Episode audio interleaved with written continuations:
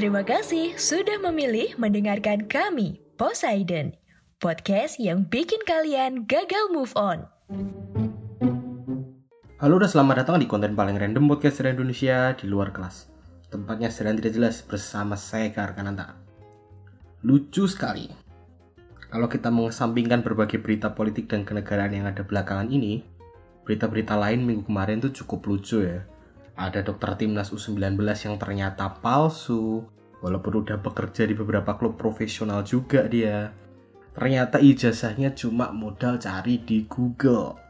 Ini benar-benar definisi berbohong di CV itu kayak gini ya. Aslinya kondektur bus loh bisa jadi dokter tim nasional sepak bola Indonesia.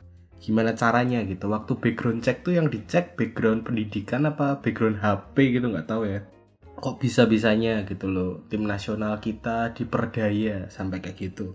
Berita lainnya nggak kalah lucu ya ada gembong narkoba kartel dari Meksiko. Ini yang berhasil diringkus kepolisian di terminal Nganjuk. Waduh ngapain gitu? Bisa-bisanya dia di Nganjuk. Mau ngapain? Coba ngapain nonton Billy Ellis bro negara-negara di Amerika Tengah sama negara-negara di Amerika Selatan tuh beneran perang beneran loh sama kartel narkoba di sana udah selevel sama kayak perang lawan teroris, lawan pemberontak gitu. Malah ada anggotanya di sini ditangkap di terminal bis kabupaten coba, bukan kota besar loh. Kabupaten. Ya walaupun mending sih daripada mati ditembak di sana kan ya, mending di penjara gitu di sini walaupun peluang uh, kena tus di penjara tuh gede banget. Ngomong-ngomong soal narkoba, penasaran gak sih kalian kenapa negara Amerika Latin ini identik banget sama narkoba.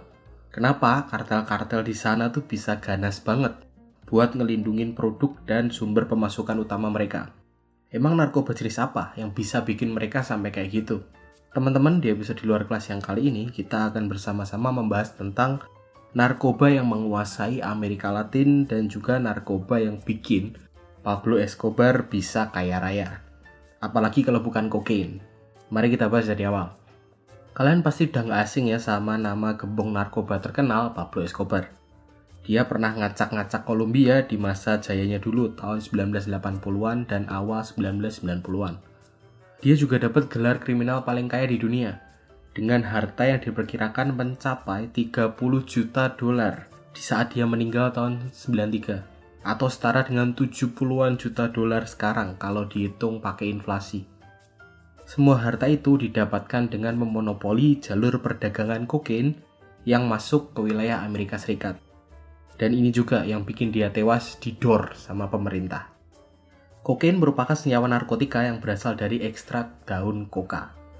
Tanaman yang merupakan endemik di wilayah pegunungan Andes. Itulah kenapa kalau kita lihat sampai sekarang, negara-negara yang kartel narkobanya membabi buta itu adalah wilayah-wilayah produksi tempat bahan dasar ini tumbuh kayak di pesisir timur Amerika Selatan gitu kayak Peru, Kolombia atau Ekuador yang kemarin uh, stasiun TV-nya itu dibaca kartel narkoba ya. Atau merupakan jalur distribusi untuk ke Amerika Serikat yang jadi pasar paling menguntungkan mereka. Kayak negara-negara Amerika Tengah ya Meksiko, Guatemala.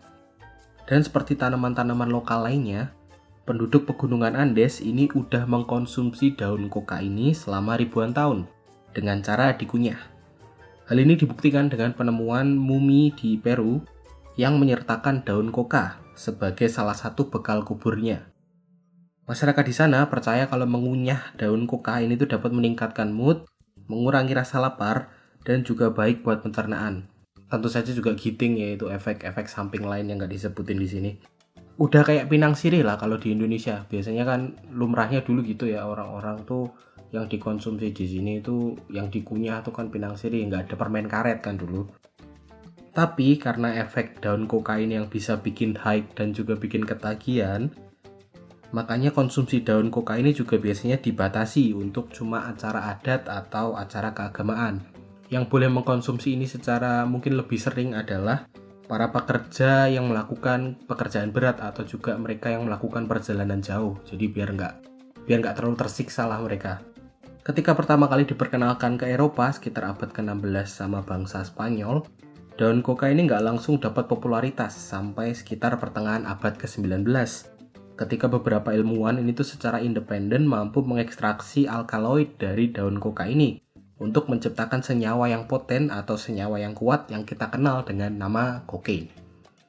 Karena efeknya mampu mempengaruhi peredaran darah dan otak, kokain kala itu mulai dimanfaatkan dalam berbagai hal.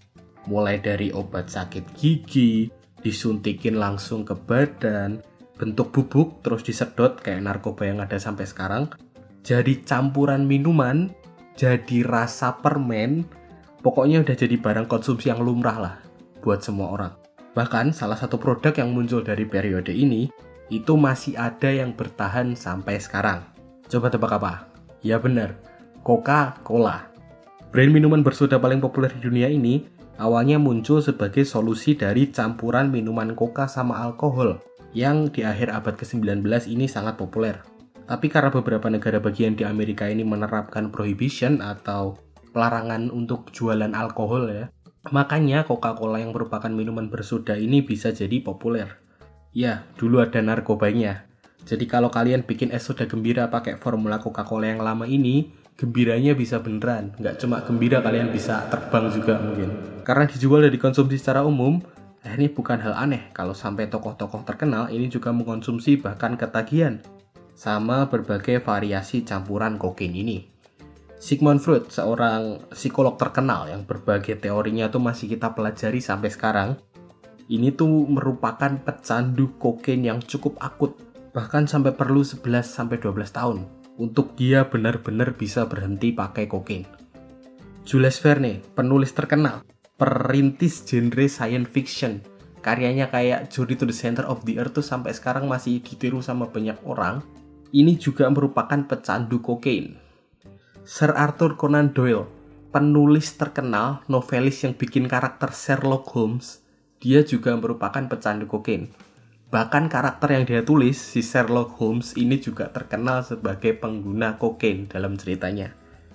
Gak cuma eksklusif buat orang-orang terkenal, penggunaan kokain juga didorong sama pemilik-pemilik usaha di Amerika Serikat untuk para pekerjanya yang mayoritas saat itu merupakan pekerja kulit hitam supaya kerjanya tuh bisa lebih keras lagi. Nggak gampang capek lah. Ekstra jos ya kayak kuli zaman sekarang. Sayangnya hal ini justru menimbulkan masalah baru karena pada perkembangannya masyarakat mulai paham dan menyadari bahayanya kokain itu kayak gimana dan susahnya berhenti kecanduan tuh lamanya kayak gimana mereka mulai tahu yang kena dampaknya akhirnya adalah komunitas kulit hitam yang rata-rata merupakan pekerja kelas rendah tadi. Mereka dituduh jadi lebih agresif, terus mereka dituduh jadi lebih kasar. Dan cap ini tuh tidak hilang, bahkan setelah kokain ini mulai dilarang ya, mulai dilihat sebagai narkoba melalui Harrison Tech Act tahun 1914 di Amerika Serikat. Ya walaupun sekarang kokain itu udah dilarang di mana-mana dan hampir semua masyarakat ini udah teredukasi sama bahayanya narkoba tuh kayak gimana ya nyatanya nggak bikin bisnis dan peredaran barang haram ini tuh berhenti. Kokain memang punya reputasi sebagai narkobanya orang kaya karena harganya yang cukup mahal ya kalau mau cari yang murni, cari yang bener-bener dari daun koka itu susah banget makanya harganya mahal. Dan mungkin karena alasan ini pamornya kokain ini akhirnya jadi belum hilang ya dan masih punya demand yang cukup tinggi buat bisnisnya jalan, terutama buat kartel-kartel di Amerika Latin tadi. Gimana pendapat kalian? Silahkan tulis di kolom Q&A atau kolom komentar sesuai dengan platform tempat kalian mendengarkan. Terima kasih udah dengerin sampai habis. Kalau punya kritik, saran atau ada ide bahasan, silahkan dikirim ke Instagramnya Poseidon di @podcast underscore sejarah Indonesia atau ke Instagram pribadi saya di @rotikecap. Jika ada kesalahan, saya mohon maaf sebesar-besarnya.